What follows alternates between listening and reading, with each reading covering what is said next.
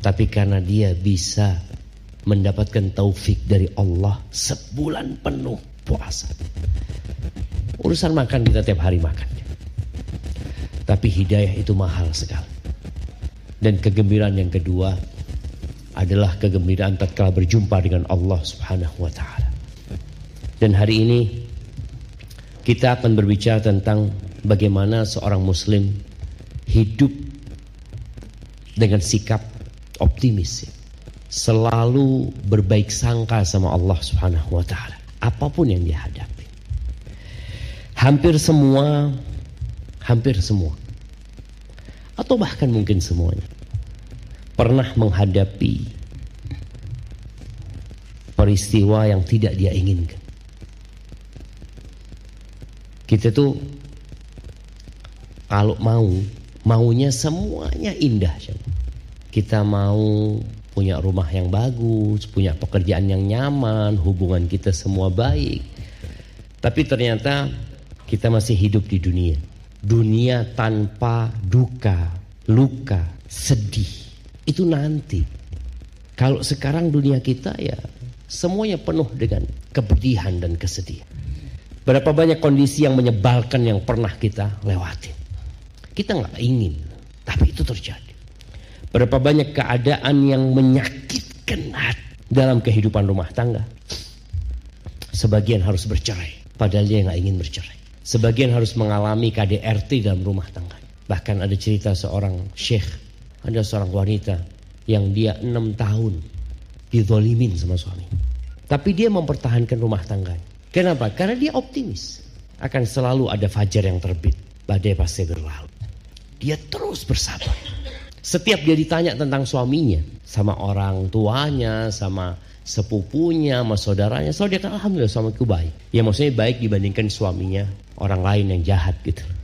Artinya dia melihat suaminya tetap baik buat dia. Iya, enam tahun dia bersabar. Setelah enam tahun, dia cerita sama seorang syekh yang tempat dia curhat. Dia cerita setelah 13 tahunnya. Suami Ana seperti cincin di tangan Ana. Kapan Ana mau lepas, Ana lepas. Kapan Ana akan putar, dia putar. Jadi baik banget suami. Tapi untuk mendapatkan itu harus bersabar berapa tahun? 6 tahun. Tapi banyak di antara kita yang terburu-buru gitu loh. Dia punya masalah hari ini, dia ingin selesai hari ini kata dia. Rasul SAW 13 tahun loh nunggu di Mekah itu. Dan urusannya selesai pun dengan diusir beliau alaihi salatu wassalam. Bukan kota Mekah jadi kota yang menerima beliau setelah 13 tahun enggak. Maka dalam kehidupan rumah tangga pun kita harus selalu optimis. Jangan menceritakan masalah kecuali kepada orang yang takut sama Allah SWT. Karena berapa banyak rumah tangga yang masalah itu sebenarnya kecil gara-gara bercerita kepada orang yang tidak bertakwa kepada Allah hilang optimisme yang ada bencana. Bahkan ada cerita seorang adik perempuan dia cerita Ustaz, anak punya masalah. Ustaz jangan cerita sama kakak anak. Dia ceritakan masalah dia sebenarnya remeh. Iya suaminya zalim lah. Dia kata suami anak zalim Ustaz. Tapi sekarang suami anak udah baik Ustaz. Tapi karena anak sudah cerita sama ibu anak, maka ibu anak minta anak cerai. Suamimu nggak baik. Gara-gara salah cerita. Gitu.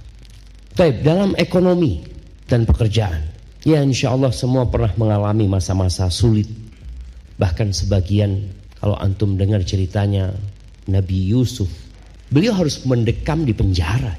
Bukan karena beliau melakukan kesalahan dan dosa, bukan. Tapi itulah kehidupan yang memang harus dilewatin. Tetap kita optimis bagaimanapun kondisi kita. Sebagian kita itu lebih suka menyalahkan orang lain. Ini gara-gara fulan, ini kan ya Allah. Udahlah antum jalanin. Ini mungkin takdir antum yang harus antum lewati. Tapi Allah katakan akhirat itu lebih baik. Makanya Nabi kita Muhammad alaihissalam ya, ketika malaikat Jibril sempat nggak turun jangan. Ada fase wahyu itu nggak turun. Sampai akhirnya turun surat Ad-Duha. Wadduha saja ma wadda'aka rabbuka wa. Tuhanmu itu tidak meninggalkanmu. Tuhanmu itu tidak mengabaikanmu. Enggak. Walal akhiratu khairul laka ula. Akhirat itu lebih baik daripada dunia. Bahkan sebagian mengatakan selalu akhir akhir sesuatu itu lebih indah daripada awalnya. Lalu Allah ceritakan kepada Nabi Muhammad SAW, Alam yajidka yatiman fa'awa. Bukankah Allah mendapatimu yatim kau dulu? Kau punya siapa-siapa engkau. Lalu Allah yang merawatmu, yang menjagamu. Wa wajadaka dhalan. Mendatapimu tersesat lalu Allah memberikan hidayah. Wa wajadaka ailan fa'aghna. Engkau dulu loh susah hidupmu. Nah ini kita semua mengalami masa-masa sulit. Maka tinggal bagaimana kita memandangnya. Dalam dunia pendidikan, berapa banyak anak-anak yang tidak diterima di kampus yang dia inginkan. Banyak sama.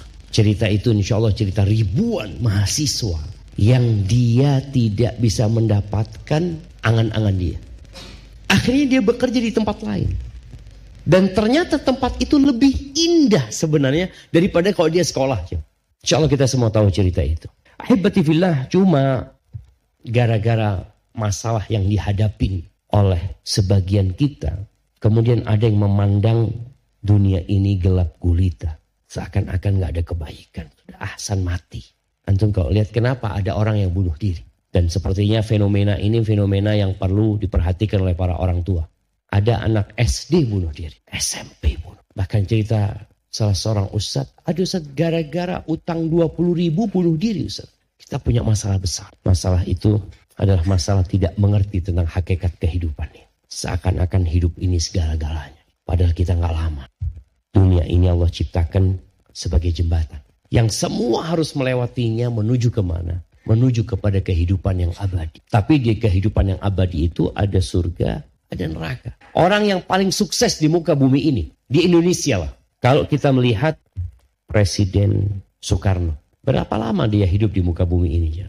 Umur berapa Soekarno mati? Siapa yang tahu? Dilupakan sama manusia. Gak ngurus saat mati umur berapa, bukan urusan anak. Iya, kita gak ada yang ngurus sama orang. Kemudian digantikan oleh Soeharto. Cukup lama dia memimpin, tapi gak lama juga. Soeharto berapa tahun jadi presiden? 32 tahun. Sekarang ke mana dia? Diurus lah sama keluarganya, oleh siapa ya sudah jadi bangkai di kuburan. Kemudian digantikan oleh Habibie. Ternyata Habibie juga pergi. Padahal dia orang pintar, hartanya banyak, digantikan oleh Abdurrahman Wahid. Ke mana dia? Saja. Kemudian digantikan oleh Ibu Megawati, digantikan oleh SBY, digantikan oleh Bapak Jokowi, Bapak Presiden kita sekarang, dan semuanya akan pergi. Semuanya akan pergi. Selama-lama. Tidak akan pernah kembali. Allah Azza wa Jalla berfirman di surat Al-Anbiya. Memberikan penjelasan agar manusia ini sadar. Karena manusia sering nggak sadar. Kalau dia sudah pegang fulus, dia ngeliat angka di rekening dia, dia berpikir akan lama hidupnya. Allah katakan kullu nafsin dha'iqatun. Wa nabluukum bisyarri wal khairi fitnah. Allah sudah buat keputusan setiap yang bernyawa itu pasti merasakan kematian dan kematian ini sakit loh jemaah. Sakit. Antum bayangin ya kalau antum terjebak di kamar mandi 24 jam. Apa yang akan antum rasakan? Jadi keluarga itu pergi nggak tahu kalau antum di kamar mandi dan terkunci kamar mandi itu. 24 jam. Nah, Masya Allah. Jangan pakai di atas kendaraan orang lain. Gimana naruhnya dia? Gak jelas. Iya, kalau antum terjebak di dalam kamar mandi, apa yang antum akan rasakan? 24 jam. Bagaimana kalau antum terjebak di sebuah ruangan yang sempit selama satu tahun, dua tahun, seratus tahun, seribu tahun ya. Rasul Shallallahu Alaihi itu di muka bumi ini hanya 63 tahun. Tapi di kuburan di alam barzakh sana beliau selama 1433 tahun.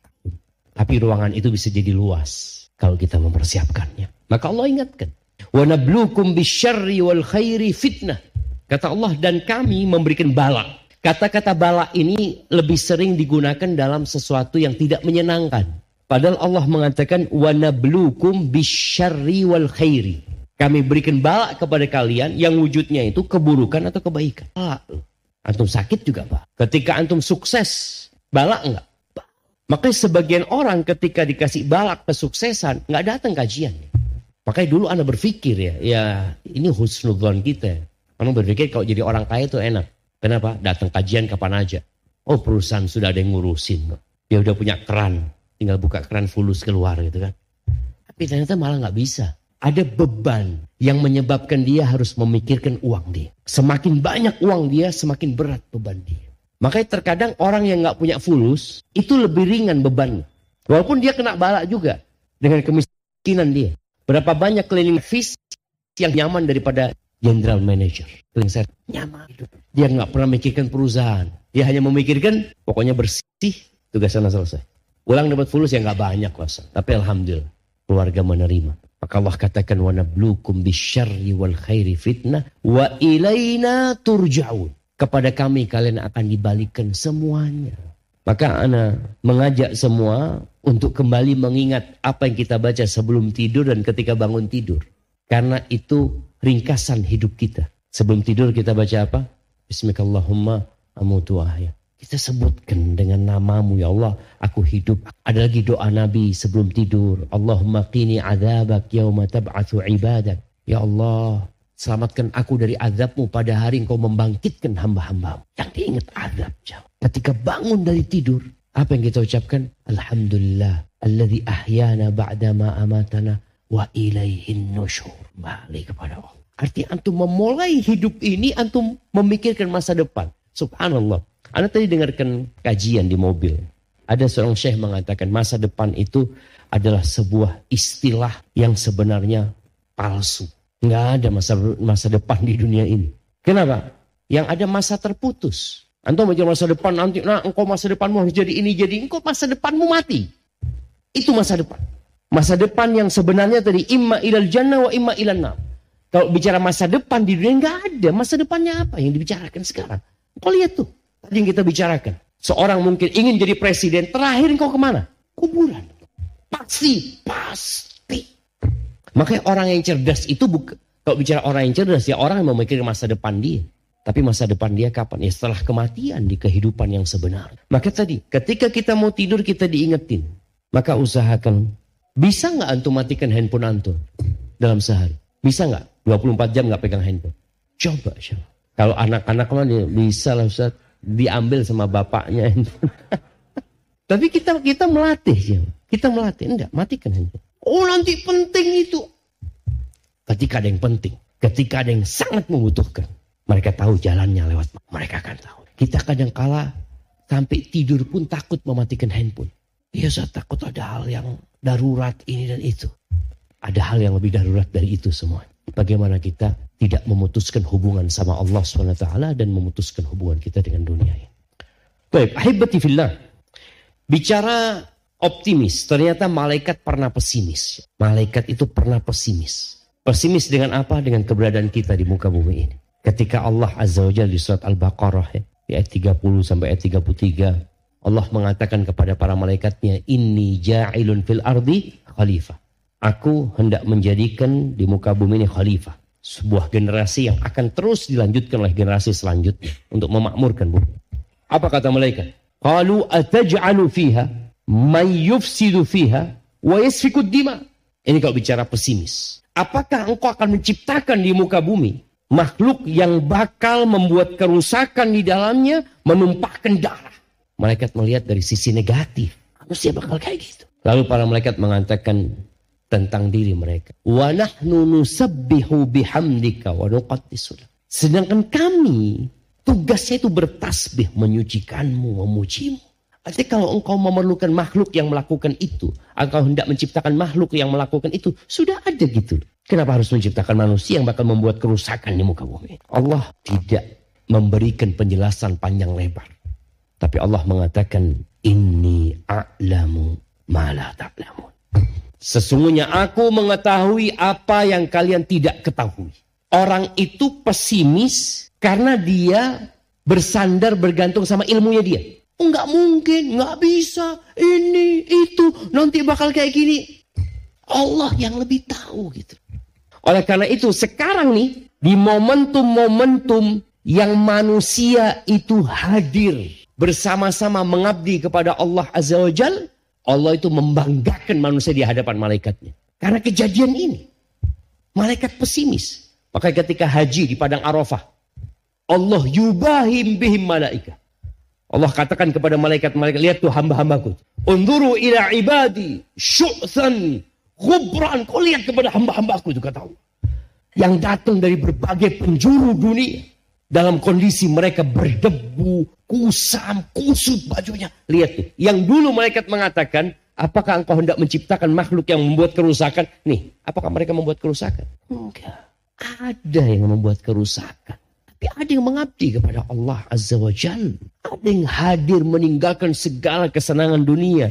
Mengatakan labbaik Allahumma labbaik labbaik la syarika laka labbaik. Innal hamda wan ni'mata laka wal mulk la syarika. Dan bagaimana di Lailatul Qadar Allah sebutkan tanazzalul malaika. Istilah menunjuk malaikat itu ingin turun di dan mereka turun benar-benar kamu kamu dan Jibril pun turun untuk apa ya ini malam yang penuh dengan berkah buat hamba-hamba Allah gitu bayangkan satu malam lebih baik dari seribu bulan. Makanya kemudian setelah Allah menciptakan Adam alaihissalam, Allah perintahkan kepada malaikat-malaikat untuk sujud kepada Nabi Adam. Allah ajarin Nabi Adam nama-nama.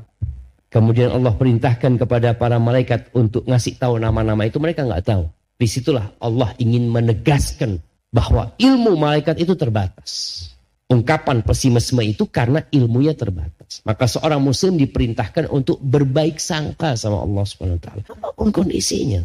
Ahibati fillah. Rasul sallallahu alaihi wasallam pernah mengatakan dalam hadis riwayat Imam Bukhari dan Muslim, "Ajaban li amril mu'min."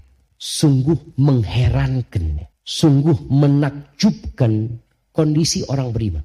Inna amrahu kullahu lahu khair urusan orang beriman itu semuanya itu baik. Walaysa dzalika illa lil mu'min. Nabi tegaskan itu tidak dimiliki kecuali oleh orang yang beriman. Loh gimana? Nabi jelasin.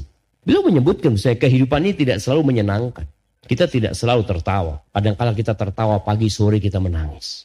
In asabathu Kalau orang ini ditimpa asobathu kena musibah. Musibahnya modelnya hal yang menyenangkan Nabi sebut dengan musibah. Seperti tadi di ayat kami kasihkan bala yang wujudnya keburukan dan kebaikan.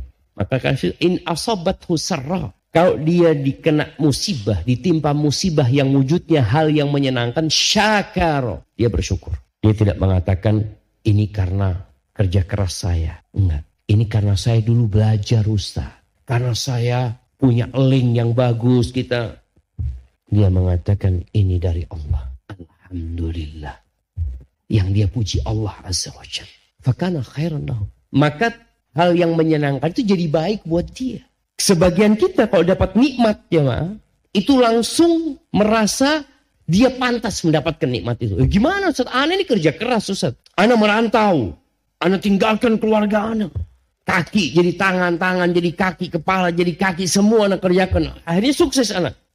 Allah yang kasih. Allah. Maka di sini orang beriman itu semua urusannya baik. Karena dia bersyukur sama Allah. Ingat syukur itu ada tiga rukunnya. Yang pertama dengan hati meyakini itu murni pemberian Allah bukan karena usaha dia. Yang kedua lisannya memuji Allah. Sebagian kita sering mengatakan saya, saya, anak, kami, kita. Ke mana Allah yang kasih semua itu? Nggak akan ada anak, nggak ada akan nggak akan ada kita, wala kami kalau Allah tidak memudahkannya buat anda. Kemudian raganya menggunakan nikmat itu dalam ketaatan. Jadi baik. Wa in asabat udara. Kalau dia ditimpa sesuatu yang tidak mengenakan. Yang tidak sesuai dengan rencana dia. Yang mungkin membahayakan fisiknya. Kita lihat ada orang jamaah kena stroke. 10 tahun dia di atas kursi roda. Ada orang yang harus cuci darah. Sejumat dua kali dia cuci darah. Ada orang yang kena kanker yang dia harus kemo. Sampai rambutnya rontok Sampai terlihat dia seperti orang yang tua. Ada banyaklah hal-hal yang tidak menyenangkan dalam kehidupan. Tapi buat orang beriman, dia bersabar. Maka Allah kalau bicara bala ya. Ada seorang nabi yang menjadi contoh bagaimana beliau dikasih bala. Nabi siapa? Nabi Ayub. Balanya Nabi Ayub itu apa? Nah, sebagian kita hanya tahu dia sakit kulit. Nabi Ayub ini kaya raya.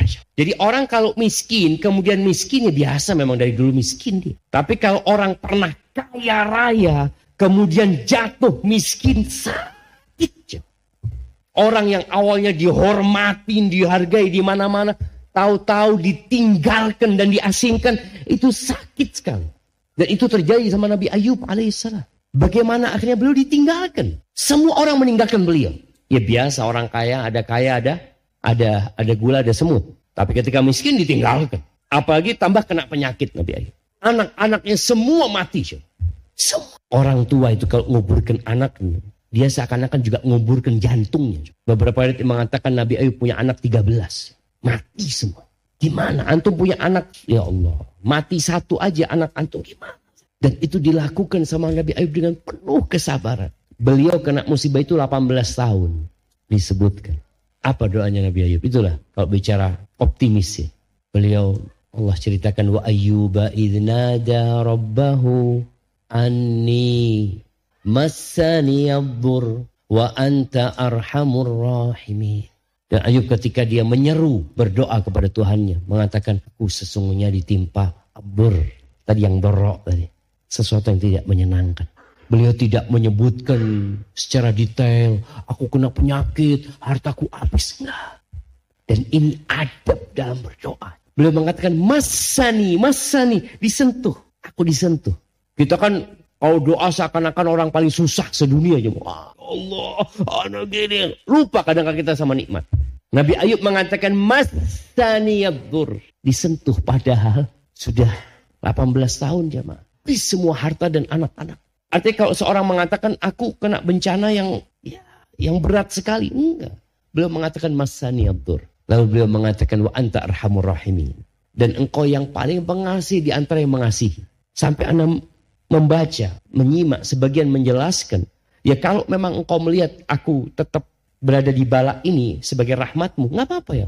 Dia belum menyerahkan semuanya kepada Allah. Wa anta arhamur rahimin. Lalu Allah suruh Nabi Ayub menghentakkan kakinya ya, keluar itu air. Itu cuma kalau Allah mau kasih, nggak ada yang sulit. Nggak ada jemaah. Nah, Allah Akbar. Masjid sebelah belum adzan kan? Belum. Kita lanjutkan. Jadi orang beriman itu kondisinya benar-benar menakjubkan. Kalau dia tertimpa satu hal yang tidak menyenangkan, dia tetap berbaik sangka sama Allah. Dia optimis sebentar, sebentar. Yang senang kalau ingat sementara, orang yang bergembira. Ketika dia tahu kok sebentar loh, dia akan sadar. Iya aku nggak lama. Dia nggak akan bereforia, tapi dia akan bersyukur. Tapi orang yang kena musibah, kena petaka, dia tahu ini cuma sementara, dia jadi, oh tenang, benda nggak lama ini. Nggak lama. Orang kena stroke berapa tahun? 20 tahun. Nggak, nggak lama. Iya cuma. Optimis ini membuat semuanya jadi indah. Optimis itu berbaik sangka sama Allah SWT. Husnudhan sama Allah dan menyerahkannya kepada Allah SWT. Fa inna ma'al usri, ya usri. Ada yang pernah difitnah berzina ya Ada nggak? Ada yang pernah difitnah berzina. Kalau sekarang mungkin difitnah selingkuh katanya ya. Ada suami yang difitnah berzina sama istrinya sendiri kadang-kala. Antum tahu, ada wanita yang paling dicintai sama Rasul SAW. Putrinya Abu Bakar Siddiq itu difitnah berzina. Di kota Medina. Nabi masih hidup. Abu Bakar ada. Gimana perasaan suami? Bagaimana kondisi Nabi SAW ya ketika beliau dapat ujian itu. Sebagian orang berpikir ujian ini buat Aisyah. Enggak, ujian ini buat umat Islam semuanya. Khususnya buat yang ber, sangkutan Aisyah dan suaminya Nabi SAW. Orang tuanya. Gimana Aisyah ini masuk kota Medina bersama seorang laki-laki. Di atas ontanya. Disebarkan bersih. Nabi SAW nggak tahu dengan yang gaib. Beliau tidak tahu dengan apa yang sebenarnya terjadi. Sampai beliau terakhir ngomong sama Aisyah. Ya Aisyah, Iza al-mamti bidambin. Engkau memang melakukan dosa itu, bertobatlah kepada Allah. Sampai seperti itu ya. Gimana perasaan istri, suaminya mengatakan itu kepada dia. Tapi Allah sebutkan di surat An-Nur ayat 11. Allah mengatakan, La tahsabuhu syarran lakum. Kalian jangan menganggap peristiwa itu buruk buat kalian. Bal huwa khairun lakum. Tapi peristiwa itu baik buat kalian. Allahu Akbar. Ini optimis. Ketika kita selalu memandang kepada kebaikan yang terjadi dalam musibah tersebut. Dengan terjadinya musibah itu, nampak siapa orang-orang yang selama ini sebenarnya memang menanti kesempatan untuk menjelek-jelekan keluarga Nabi SAW. Dengan musibah tersebut, Allah angkat derajatnya orang-orang yang dituduh berzina. Bayangkan kejadian itu disebutkan dalam Al-Quran dan Allah sebutkan pembebasan tuduhan buat Aisyah itu yang dibaca sampai hari kiamat. Dibaca oleh kita. Ini menunjukkan bahwasanya memang itu baik buat kalian. Makanya kalau antum dapat musibah sebesar apa pun, seberat apa pun, jangan mengira itu buruk buat kalian. Itu baik. Kenapa? Karena Allah tidak menetapkan sesuatu kecuali untuk kebaikan kita. Makanya Allah mengatakan, Qul, katakan, La yusibana illa ma kataballahu lana. Katakan tidak akan menimpa kita sebuah musibah kecuali yang Allah tuliskan lana. Jadi dalam bahasa Arab itu ada tulisan lana sama alaina. Li sama alayya. Kalau lana itu artinya kebaikan buat kita saja. Tapi kalau alaina biasanya keburukan buat kita. Maka Allah katakan, Qul la yusibana illa ma kataballahu lana. Kecuali yang Allah catat untuk kebaikan kita. Huwa maulana. Wa Allah falyatawakkalul mu'min. Allah itu pelindung kita. Ketika antum yakin Allah pelindung antum, masa pelindung menginginkan keburukan buat antum? Gak mungkin. Dan bagaimana kalau kita tahu Allah itu Rahman, Allah itu Rahim, Allah itu Hakim, Allah itu Wadud. Nama-nama Allah yang indah itu siapa? Dan tatkala kita membaca Al-Quran selalu kita mulai dengan apa? Bismillahirrahmanirrahim. Maka ingat, ketika antum dapat musibah yang berat sekali. Emak-emak juga nih, ibu-ibu. Dia mendapatkan musibah yang berat, jangan mengira itu buruk. Nah kalau kita berbaik sangka sama Allah, pasti kita akan melihat dari sisi positifnya. Ada baiknya. Ahibati fillah, ketika diwajibkan perang kepada umat Islam di surat Al-Baqarah ya, ayat 216 Allah mengatakan kutiba alaikumul qital wa huwa. Diwajibkan atas kalian berperang dan itu sesuatu yang dibenci sama kalian. Oh saya senang Ustaz dengan peperangan Anda. Allah sebutkan. Secara naluri manusia nggak suka. Karena kalau dia berangkat perang dia akan meninggalkan keluarganya. Boleh jadi dia mati Anaknya jadi yatim, istrinya jadi janda, mungkin dinikahin sama orang lain. Boleh jadi dia cacat seumur hidup. Gak punya tangan dia hidup. Bagaimana sebagian sahabat gak ada tangannya, gak ada matanya. Mereka. Maka Allah sebut, wahwa kurhul lakum. Lalu apa kata Allah? Wa asa an takrahu syai'an wahwa khairul lakum. Wa asa an takrahu syai'an wahwa khairul lakum. Boleh jadi yang kalian benci itu baik buat kalian. Wa asa an tuhibbu syai'an wahwa syarrul lakum. Boleh jadi yang kalian sukai itu buruk buat kalian. Masalahnya apa? Wallahu ya'lamu wa antum la ta'lamun. Allah yang tahu, kalian nggak tahu. Manusia itu hanya tahu mana yang dia sukai dan mana yang dia tidak sukai. Tapi kalau mana yang baik dan mana yang tidak baik, wallahu alam dia nggak tahu. Makanya ada seorang ketika memilih seorang wanita yang dia nikahi. Dia sudah mengatakan ini insya Allah wanita baik ini itu macam-macam. Dia maksa. Ibunya mengatakan janganlah nak. Ibu kok nggak suka sama perempuan itu nak. Tapi ibu dia sebutkan berbagai macam ya sudah. Ternyata terbukti tidak sesuai. Makanya kita disuruh istighfar. Minta pilihan dari Allah subhanahu wa ta'ala. Kenapa? Karena kita nggak tahu. Yang kita tahu tadi, anak suka. Apakah baik buat anak? Oh nggak tahu anak. Karena bicara baik itu boleh jadi sekarang baik, besok nggak baik buat anak. Ada orang yang menikah tadi setahun dia merasakan baik setelah itu jadi neraka rumah tangganya. Ada. Seperti itu. Maka Allah sebutkan boleh jadi yang kalian benci itu buruk buat kalian. Dan yang kalian sukai afan. Boleh jadi yang kalian benci itu baik buat kalian. Dan yang kalian suka itu buruk buat kalian. Wallahu ya'lamu antum la ta'ala. Allah maha tahu kalian nggak tahu. Udah, kayaknya bapak-bapak silahkan sholat. Karena anak tadi udah jamak ya. Anu udah jamak. Jadi tafadhol bapak-bapak untuk sholat isya. Kita akan lanjutkan mungkin bersama ibu-ibu. Baiklah,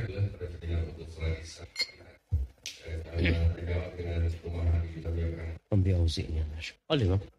Oh Masya Allah. Tapi ada orang yang nggak tahu ayahnya masih ada atau sudah tidak ada. Apa kewajiban anak?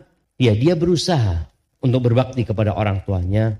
Yang pertama tentunya dengan doa. Karena doa ini kalau dia tahu ayahnya adalah seorang muslim, maka adalah dia terus mendoakan orang tuanya. Rabbi wali walidayya warhamhuma kama rabbayani Kemudian ini ada banyak masalah sebenarnya. Masalah yang berkaitan dengan mahram ya. Karena boleh jadi anaknya menikah ternyata sama pamannya sendiri. Maka perlu dipastikan nasabnya itu. Anti itu fulana binti siapa? Binti fulan.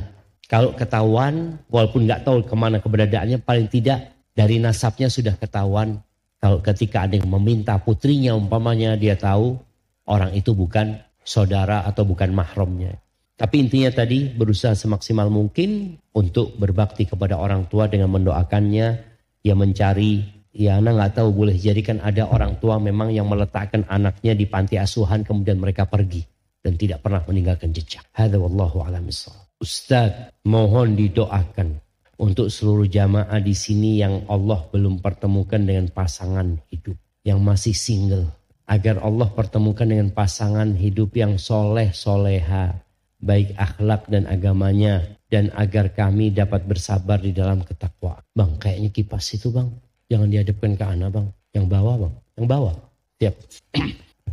bang ada pertanyaan. Ya kalau bicara doa. Ya kita doakan ya. Kita memohon kepada Allah dengan nama-nama yang indah. Dengan sifat-sifatnya yang mulia. Agar Allah mempertemukan setiap muslim dan muslimah yang belum bertemu dengan jodoh. Dan nasihat ana dalam menanti jodoh ini hendaklah memperbanyak istighfar. Ketika belum menikah, sejatinya pernikahan itu masalah. Jadi jangan berpikir bahwasanya pernikahan itu hanya bersenang-senang ya. Sampai ada cerita seorang anak muda ketika baru menikah ya. Ya mungkin berapa hari setelah menikah dia mengatakan nikah itu surga. Setelah setahun dia menikah dia tanya gimana rumah tanggamu? Ya pernikahan itu syarrun labudda minhu. Sebuah hal, sebuah suatu masalah yang memang harus dihadapin. Jadi bagi yang belum menikah manfaatkan waktu untuk memperbanyak istighfar, berdoa memohon kepada Allah Subhanahu wa taala. Karena kalau nanti sudah menikah ada banyak hal yang tidak bisa engkau lakukan. Karena engkau harus ya memberikan pelayanan kepada kepada istri ya bagi seorang perempuan ngurusin anak ini dan itu. Maka sekarang yang masih jomblo ini manfaatkan waktunya untuk mendekatkan diri kepada Allah Subhanahu taala menghafal Al-Quran, membaca Al-Quran dengan artinya ya. Insya Allah jodohnya datang dan engkau sudah siap untuk menjadi seorang ibu dan seorang istri. Ustadz, saya memutuskan berpisah dari suami karena kata talak yang sering dia ucapkan. Tapi dia terima, tapi dia tidak terima dan kemudian menfitnah saya ke keluarganya dan keluarga saya saya dituduh difitnah berselingkuh. Padahal dia yang selama ini berselingkuh, tapi selalu saya jaga aibnya. Sampai sekarang saya memilih hidup sendiri bersama anak-anak saya. Mohon doanya buat saya. Barakallahu fiik. Iya jemaah, kalau bicara pernikahan, Allah itu mengatakan tentang pernikahan fa imsakun bima'rufin au tasrihum biihsan.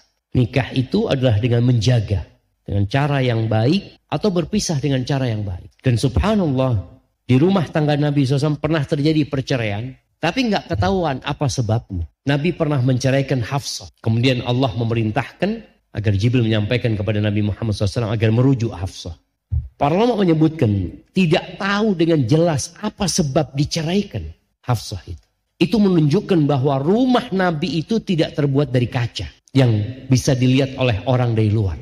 Maka tolong kita punya rumah tangga, jaga rumah tangga kita. Tidak semuanya diceritakan kepada orang ya. Kemudian kalau dikatakan tadi uh, anti difitnah sama suami, kalau anti berselingkuh, jangan dianggap itu buruk.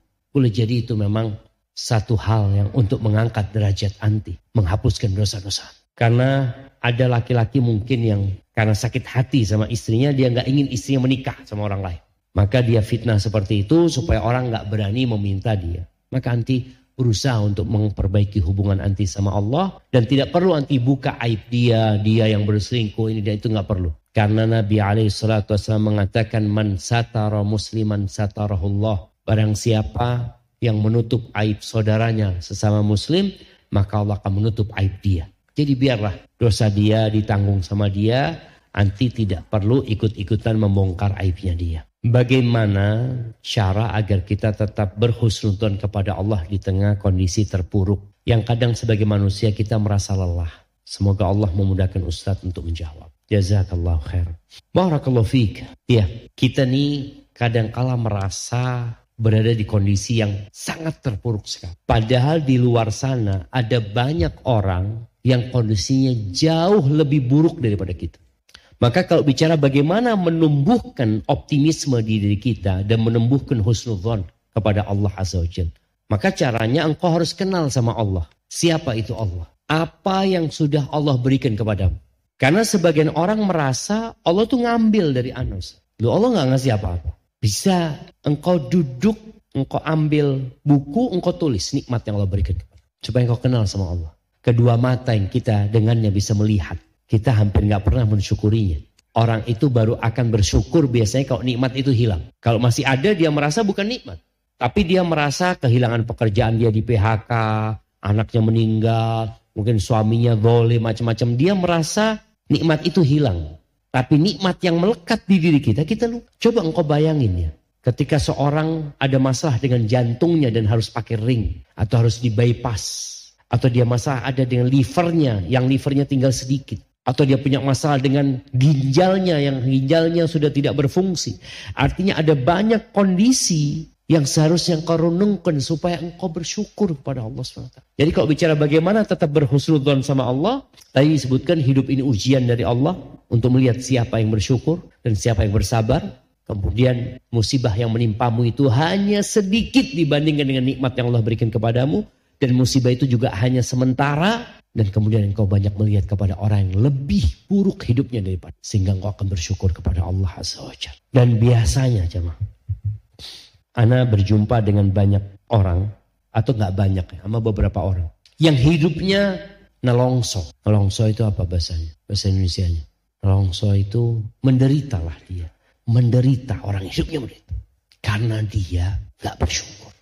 Selalu dia merasa aku susah. Akhirnya susah hidup. Susah. Merasa dia sangat terpuruk gimana dia mau baik sangka. Allah maha baik loh sama kita. Dan kebaikan Allah itu nggak bisa engkau hitung. Allah mengatakan wa in ta'uddu Allah la tuhsuha.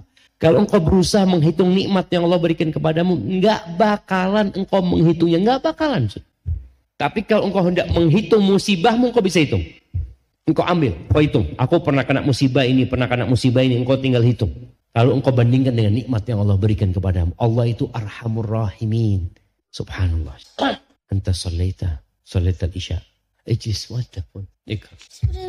Assalamualaikum.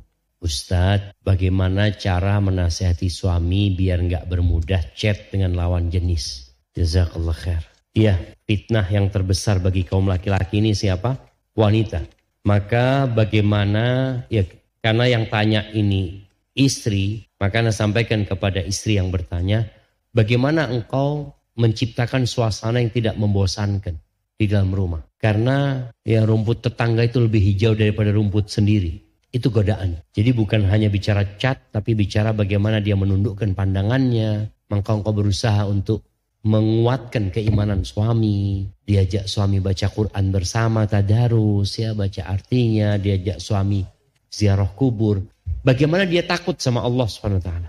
Karena kalau cuma takut sama istri, ya dia hanya akan berhenti chatting ketika ada istri. Tapi kalau dia takut sama Allah Subhanahu wa taala, insya Allah ke mana pun dia pergi, dia akan merasa diawasin sama Allah Subhanahu taala. Jadi bagaimana seorang istri menguatkan keimanan suami. Dan banyak masalah terjadi gara-gara iman seseorang itu masih lemah. Maka mau dikasih nasihat apa pun kalau imannya nggak kuat ya nggak bakal dengerin dia. Gitu. Izin bertanya Ustaz, apakah curhat mengenai kondisi rumah tangga kepada teman untuk membuat hati lapang ini termasuk ribah Ustaz? Iya. Yang pertama kalau tujuanmu hanya ingin melampiaskan, mencurahkan isi hati supaya merasa lapang jadi riba akhirnya. Apalagi engkau menyebutkan keburukan suami. Tapi kalau tujuannya mencari solusi. Jadi seorang istri atau seorang suami. Curhat dia mengatakan istri anak seperti ini, seperti ini, seperti itu.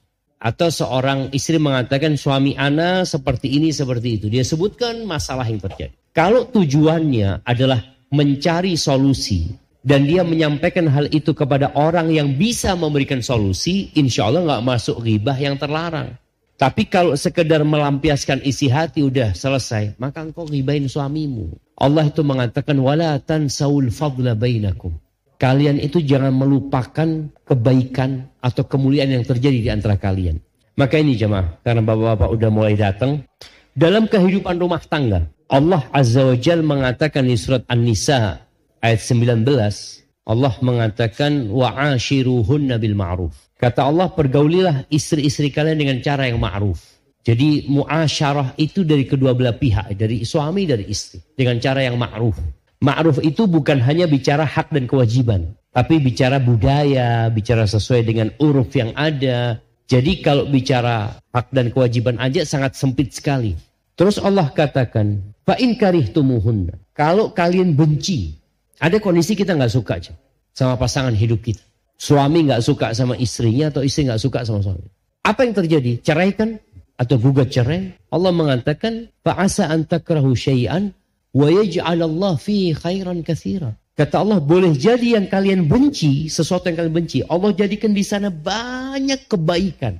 Banyak kebaikan. Maka di sini seorang istri ketika dia melihat suaminya punya beberapa perilaku yang kurang baik, ya, lihat kepada kelebihannya. Jangan bermudah-mudahan minta cerai. Dan kemudian seorang suami juga seperti itu. Lihatlah kepada kelebihan pasangan hidupnya. Rasul SAW mengatakan, La yafraq mu'minun mu'minah. Janganlah seorang laki-laki yang beriman membenci istrinya yang beriman. Kalau bicara benci ini biasanya ada sebab. Nggak mungkin lah membenci tanpa sebab. Allah sebut, Nabi SAW sebutkan. Inkari minha khuluqan. Kalau dia melihat ada perilaku istri yang tidak dia sukai. Radhiya minha akhar. Bukankah ada perilaku yang lainnya gitu. Dia kan nggak selalu berbuat salah gitu. Pasti ada banyak kebaikan di dia. Lihatlah kepada kelebihannya. Ada kisah jamaah di Arab sana, seorang istri bercerai sama suaminya gara-gara satu kaleng Pepsi. Satu kaleng Pepsi. Gimana ceritanya? Jadi istri ini telepon sama suaminya. Suami mau pulang kerja. Dia ngomong sama suaminya. Mas, jangan lupa ya belikan Pepsi ya. Dia, iya kata suaminya. Berangkatlah ke minimarket, dia belanja sama. Dia belanja semua kebutuhan yang buat rumah tangga ya. Tapi dia lupa beli Pepsi ya. Bayangin. Bukan sengaja lupa dia. Selesai sampai rumah, sudah taruh belanjaan itu, dicari sama istrinya Pepsi itu. Nggak ada. Kata istrinya, kok nggak beli Pepsi? Allah lupa kata. Hmm, memang kalau urusanku nggak pernah jadi perhatian. Kata engkau. Mulai si istri ini mulai mengungkit kejadian-kejadian di mana suaminya menurut dia nggak peduli sama dia. Engkau pernah kejadian kayak gini sama aku, engkau pernah kayak gini. Selalu yang aku inginkan tuh di nomor dua kan sampai nggak kuat suaminya. Terjadi sudah bantah-bantahan sama suami. Akhirnya kata suami, udah aku ceraikan. Gara-gara apa? Pepsi. Karena dia melihat kepada keburukan. Oke dia salah sekarang. Apakah semua hidupnya salah? Maka sebagian orang itu suka menjadi lalat. Ya. Antum tahu lalat? Ke mana dia pergi? Ke luka. Ke luka, ke sampah. Itulah. Sedangkan kata Nabi SAW, mukmin itu kanahlah. Mukmin itu seperti lebah, bukan seperti lalat. Lebah itu ke mana perginya? Dia datang ke tempat-tempat yang indah. Dia ambil yang indah dan dia tidak merusak. Itu mukmin. Maka tuh gara-gara satu kaleng Pepsi bercerai. Padahal sudah tujuh tahun menikah. Tujuh tahun dia menikah. Apa nggak bisa kau carikan alasan? Begitu pula seorang suami ya. Boleh jadi istrinya masak dalam kondisi capek, lelah. Dia mau masukkan garam yang dimasukkan gula. Mungkin terjadi. Ya. Dia kan ya namanya orang capek, lelah ya ya. Dia berharap suaminya makan itu dengan enak. Nggak ada lah istri yang berharap mudah-mudahan muntah-muntah suamiku makan. Nggak ada lah. Pasti istri berharap makanannya enak dan dipuji sama suami ya. Tapi kadang kalau salah masukkan. Atau garamnya kebanyakan. Itu terjadi. Berapa banyak istri yang manasin sesuatu karena dia gendong anaknya atau gosong. Engkau akan mengatakan apa? Enggak peduli sama suami. Durhaka. Enggak. Maka ingat, seorang yang curhat kepada orang lain, lihat. Engkau sering curhat tentang keburukan suamimu tapi hampir tidak pernah cerita kebaikan suami. Eh memangnya suamimu buruk? Ada satu orang curhat sama anak panjang semua. Yang dia ceritakan semua adalah keburukan suaminya. Anak sampaikan kepada dia, kalau di diri suamimu sudah nggak ada kebaikan lagi, ya sudah engkau buat cerai. No? Masa nggak ada kebaikan di diri suami? Ya ada lah Ustaz. Ya itulah. Ada ini coba engkau sebutkan kebaikannya. Ini, ini, ini, ini. Kalau keburukan semuanya punya keburukan. Makanya mak-mak di atas jangan tanya tentang anak sama istri anak. Nanti gak dengerin kajian anak jemaah. Semuanya punya keburukan jemaah. Ya Allah mudah-mudahan diampuni sama Allah kita. Ustaz bagaimana cara birul walidain dengan orang tua yang tidak bersikap adil kepada anak-anaknya. Subhanallah ya. Bicara keadilan kepada anak ini. Itu ditekankan sama Nabi Muhammad SAW sejak dulu. Dengan praktek langsung. Datang Nu'man ibn Bashir bin Nu'man. Bashir ini datang. Dia bawa anaknya Nu'man. Ya Rasulullah, aku ini mau kasih hadiah buat Bashir. Ada hibah buat anaknya. Ingat hibah itu baru terlaksana kalau ada serah terima ya. Tapi ibunya nggak mau. Kenapa ibunya nggak mau? Ibunya minta engkau jadi saksi ya Rasulullah. Ini bagi para istri ya. Istri itu harus cerdas ya. Harus pinter-pinter menghadapi suami. Jangan suka berdebat sama suami. Kadang-kala istri tahu suami ini salah. Tapi suami kalau dikasih tahu istri nggak mau. Karena merasa, oh no, Rijal. Rijal itu pemimpin gitu loh. Masa dikasih nasihat sama istri? Istrinya An-Nu'man pinter. Dia nggak mau debat sama suaminya. Sudah, aku siap. Aku ridho dengan pemberianmu asalkan Nabi jadi saksi sasaran. Antum pun kalau ada ini ibu-ibu kalau ribut sama suami macam-macam sudah lama. Kalau Ustadz ngomong iya, anak iya. Bismillah. Supaya nggak ribut sama istri. Akhirnya datang. Ketika ngomong seperti itu, ternyata ini karena karena disuruh istri jam. Tanyalah Nabi SAW. Akulla waladika nahalta. Apakah semua anakmu engkau kasih hibah yang sama? Kata Bashir, enggak. Taib. Apa engkau kepingin semuanya berbakti kepadamu? Iya ya Rasulullah kata. Jangan kau lakukan itu. La asyhad ala jur atau ala zur. Aku nggak mau jadi saksi atas kepalsuan, atas keboliman. Baik, kalau ternyata itu terjadi, ada orang tua yang zalim sama anak-anaknya. Dia pilih kasih. Apakah keboliman orang tua ini menjadi hal atau menjadi sebab yang membolehkan anak durhaka sama orang tua? Enggak. Tetap anak nggak boleh durhaka sama orang tua. Jadi jangan berpikir, oh orang tua durhaka, anak durhaka. Nggak boleh. Tetap yang namanya Dosa itu dosa. Jangan sampai orang tua berbuat dosa, engkau pun akhirnya membalasnya dengan dosa. Tapi Nabi ingin menjelaskan sallallahu alaihi wasallam bahwa yang engkau lakukan itu dapat memicu anak-anakmu durhaka, bukan melegalkan kedurhakaannya. Enggak. Maka kalau bicara apa sikap anak sekarang dengan orang tua yang tidak adil, ya sabar, tetap berbakti sama orang tua. Karena yang nyuruh dia berbakti bukan orang tua, tapi Allah yang nyuruh dia berbakti. Dan dia ketika berbakti bukan karena berharap balasan dari orang tua, enggak. Harapannya apa? Allah memberikan yang indah buat dia. Jadi tetap bersabar ya. Insya Allah itu yang namanya silaturahim ini jamaah. Bukan kunjung-kunjungan ya. Tapi silaturahim itu adalah menyambung yang putus. Menghangatkan yang dingin. Mencairkan yang beku. Itu silaturahim. Jadi kalau sudah antum biasa kunjung-kunjungan ya sudah nyambung dari dulu gitu loh. Tapi ada orang-orang yang memutuskan. Ini tugas antum sekarang. Dan di situlah ada pahala dipanjangkan umurnya, diluaskan rizkinya. Dan biasanya yang banyak banyak dipermasalahkan sama anak ini urusan fulus, ya. urusan fulus, urusan harta. Tapi orang tua juga dalam urusan kasih sayang tolong berusaha untuk adil. Kalau mencium anaknya satu, cium yang lain. Karena jangan sampai anak itu melihat, oh abahku ini sama aku nggak pernah nyium aku. Kalau kakak dia cium gitu kan. Bagaimana caranya agar tetap optimis dan yakin bahwa rizki dan jodoh sudah Allah tetapkan. Karena terkadang muncul perasaan khawatir. Iya, khawatir ini muncul karena kelemahan keyakinan kita sama Allah Subhanahu wa taala. Antum lihat ya, bicara tawakal ini mudah. Tapi kalau ada momentum yang menunjukkan antum tawakal apa enggak baru akan nampak antum tawakal atau tidak. Karena tawakal ini amalan hati. Ketika Nabi Musa bersama kaumnya sampai ke pantai di pagi hari. Dan ternyata tidak ada perahu untuk menyeberang. Ketika mereka noleh, ternyata pasukan Fir'aun sudah kelihatan. Falamma tara al-jam'an. Qala ashabu Musa inna lamudraku. Ketika sudah saling melihat dua pasukan ini, sahabat-sahabat Nabi Musa mengatakan, kita habis sudah. Kita akan terkejar sama Fir'aun. Karena memang lautan belakang Fir'aun. Apa kata Nabi Musa? Kalla, inna ma'i rabbi sayahdi. Nggak, nggak mungkin mungkin. Sekali-kali tidak pernah, tidak akan pernah mereka mengejar kita. Karena bersamaku ada Tuhanku. Dia akan memberikan hidayah. Dan ini yang perlu kita tumbuhkan di hati kita. aja. Engkau hidup bersama Allah apa tidak gitu. Kalau bicara rizki ya jodoh ada orang mungkin yang mengatakan Ustaz Ana udah lama nunggu jodoh Ana Ustaz. Sedangkan ya buat akhwat mungkin sudah umur di atas 27 ya. 28 atau 30 dia berpikir kayaknya sulit orang mau menikahi anak. Bapak-bapak ada yang mau. Nah, jodoh itu nggak ke mana. Makanya kalau untuk melihat kadang kala anak bingung ya ada orang orang Aceh menikah sama orang Papua. Kok bisa aja? Itu sudah dicatat. Jam. Maka yakin. Wa ma min dabatin fil ardi illa 'ala Allahi rizquha. Semua sudah ditanggung sama Allah SWT. Seringlah kita ini merenungkan ciptaan Allah. Buat orang yang keyakinan terhadap rezeki masih lemah. Coba dia lihat ya. Anak itu kadang-kadang ngelihat di rumah. Ada serangga-serangga yang belum pernah anak lihat dalam hidup anak jam. Suatu hari istri anak bang, bang, bang, sini bang, lihat ini bang.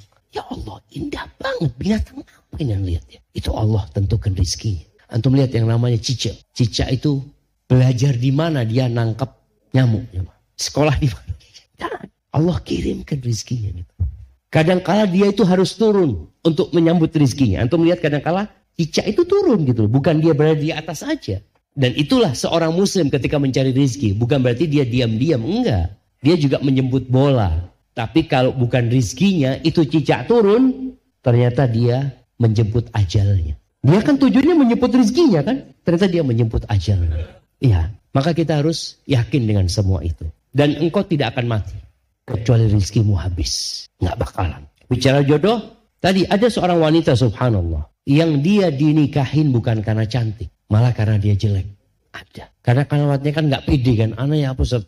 Ada yang nggak cantik Ustaz. Sedangkan banyak yang banyak yang cantik yang lainnya. Dia kan berpikir kan nggak akan ada yang menikahin dia. Enggak. Belum tentu. Boleh jadi ada orang-orang yang memang nggak cari wanita yang cantik. Tapi cari wanita yang soleh. Masya Allah. Assalamualaikum warahmatullahi wabarakatuh.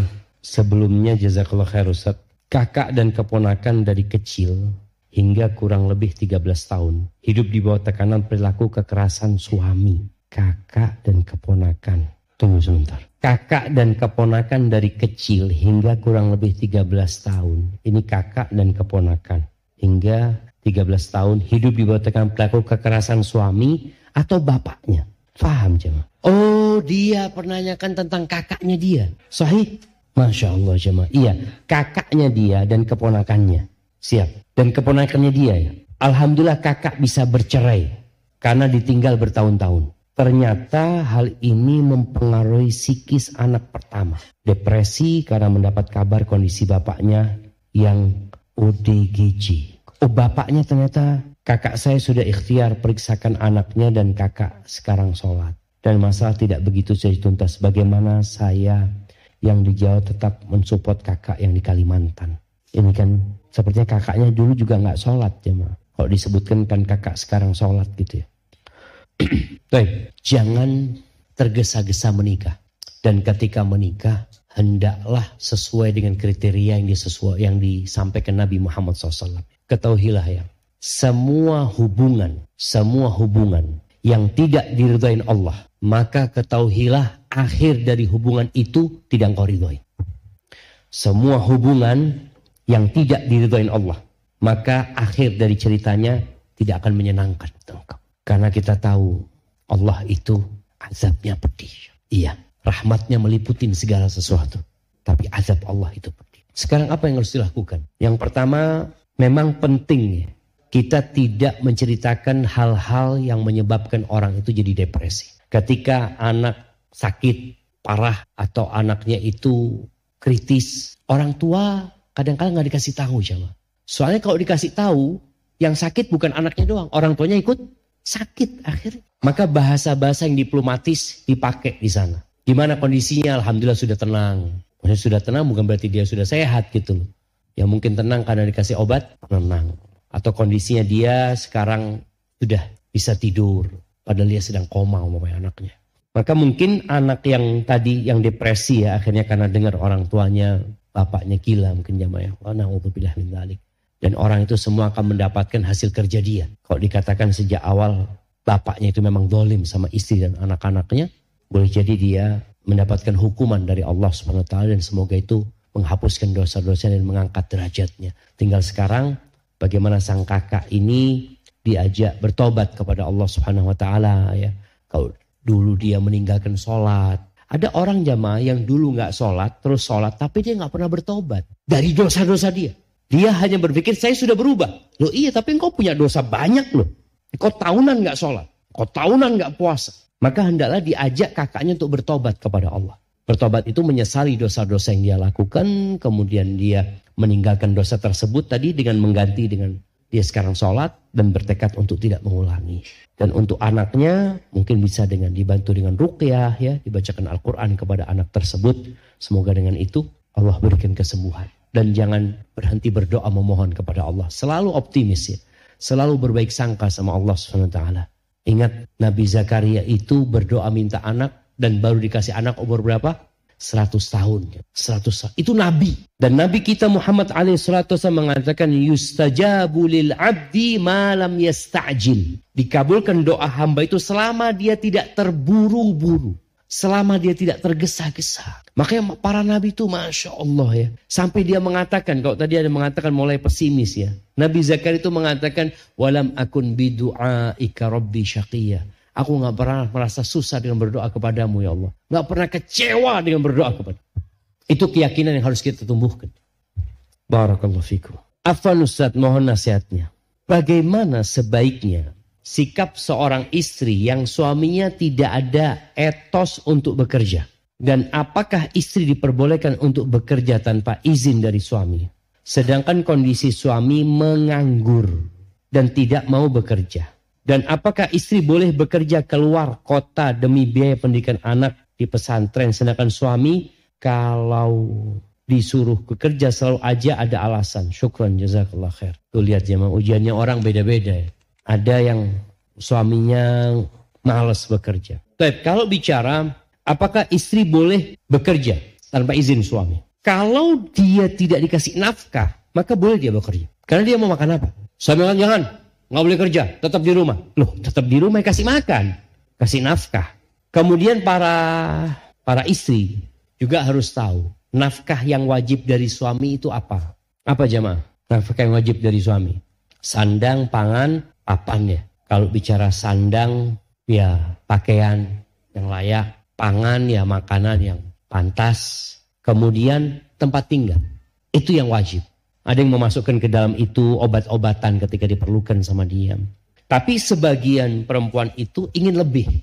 Antum melihat sebagian wanita yang mungkin merantau berangkat ke luar negeri. Terkadang hal itu disebabkan tetangganya punya rumah, tetangganya punya mobil, sukses ini dan itu. Sedangkan dia sama suaminya kok kayaknya tetap dari dulu kayak gini. Apabila suami telah memberikan nafkah tadi yang wajib, maka istri nggak boleh keluar rumah bekerja kecuali dengan izin dari suami. Tapi kalau suami tidak memberikan nafkah, maka istri boleh bekerja tanpa izin suami. Kalau suami tidak memberikan nafkah. Kalau bicara keluar kota, nih kalau bicara keluar kota kan dia sudah disebutkan bukan bicara sandang pangan papan, tapi pendidikan anak di pesantren yang kadang-kadang biayanya cukup besar ya. Maka seorang wanita tidak boleh dia safar kecuali dengan mahramnya ketika itu.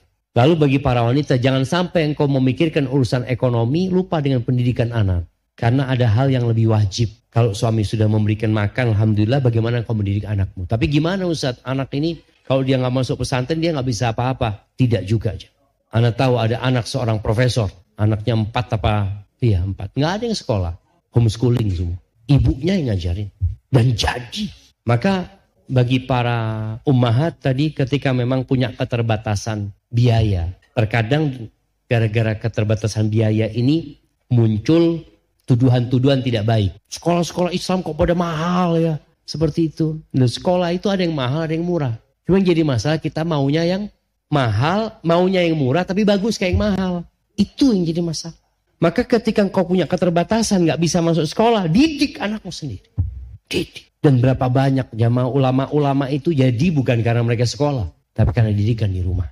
Nah itu kalau kita bicara karena keterbatasan ya. Tapi kalau mereka anaknya punya biaya untuk dimasukkan ke sekolahan, tafadhol. Tafadhol. Tapi yang jelas tadi ketika dia mau keluar kota atau merantau, sehingga dia meninggalkan suaminya, meninggalkan anaknya nggak boleh. Bolehkah seorang istri gugat cerai suaminya yang tidak memberikan nafkah? Boleh nggak?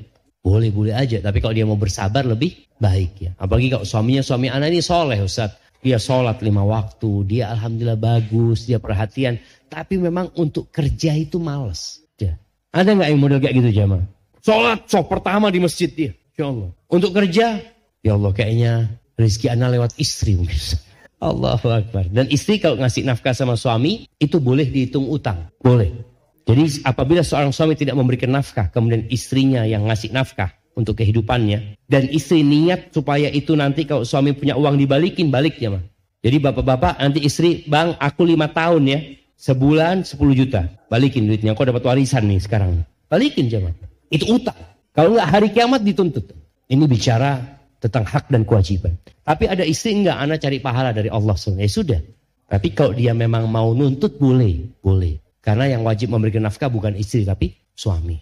Nah, bagaimana membuat iman selalu istiqomah dengan kebaikan dan kebaikan? agar kita wafat husnul khatimah. Cuma baca Quran. Antum perlu punya hubungan sama Al-Quran yang baik. Nabi itu alaihi salatu wassalam memberikan nasihat agar kita baca Quran tiap bulan. Hatam Quran tiap bulan. Tapi kebanyakan kita memahami hatam Quran itu bulan Ramadan. Makanya muncul pertanyaan Ustaz, lebih baik hatam Quran sama artinya atau gimana ya? Tiap bulan kita dianjurkan untuk baca Quran sama artinya. Apa dalilnya? Karena Nabi SAW menyebutkan orang yang baca Quran kurang dari tiga malam hatam, La yafqah. Dia nggak akan bisa memahami. Berarti kan tujuannya membaca untuk dipahami. Maka Nabi melarang jangan terlalu cepat gitu loh. Paling cepat tiga malam lah Nabi SAW. Nabi menganjurkan kepada Abdullah bin Amr bin As ketika dia istrinya, ini jamaah, istrinya Abdullah bin Amr itu mengadukan suaminya. Suaminya ini sholat malam puasa sunnah terus. Kira-kira kalau dapat menantu kayak gitu gimana? Oh Masya Allah soleh. Tapi hablum minan nggak terjaga dia. Akhirnya kata Nabi SAW, puasa paling bagus puasa Daud. Sudah. Awalnya engkau puasa sebulan sekali. Ya Rasulullah aku kuat lebih dari itu. Tiga hari dalam sebulan. Aku kuat lebih dari itu. Udah. Senin Kemis atau puasa sehari puasa dua hari berbuka. Aku kuat lebih dari itu ya Rasulullah. Paling bagus puasanya Nabi Daud. Sudah. Nabi ngasih tahu seperti itu. Baca Qurannya, Nabi mengatakan iqra fi syahr. Sallallahu alaihi wasallam. Engkau baca hatamkan Quran sebulan sekali. Dia merasa lebih kuat, akhirnya sampai suruh tujuh malam. Itu dengan artinya. Makanya kalau antum ingin istiqomah, one day one jus. Itu pegangan kita, jangan. Antum merasakan ketika hubungan antum dengan Al-Quran itu baik, urusan antum mudah. Tapi kalau sudah Qurannya mulai yang satu jus jadi tiga perempat, yang tiga perempat jadi setengah jus, yang setengah jus alhamdulillah saat yang penting baca Quran walaupun satu ayat ya sudah.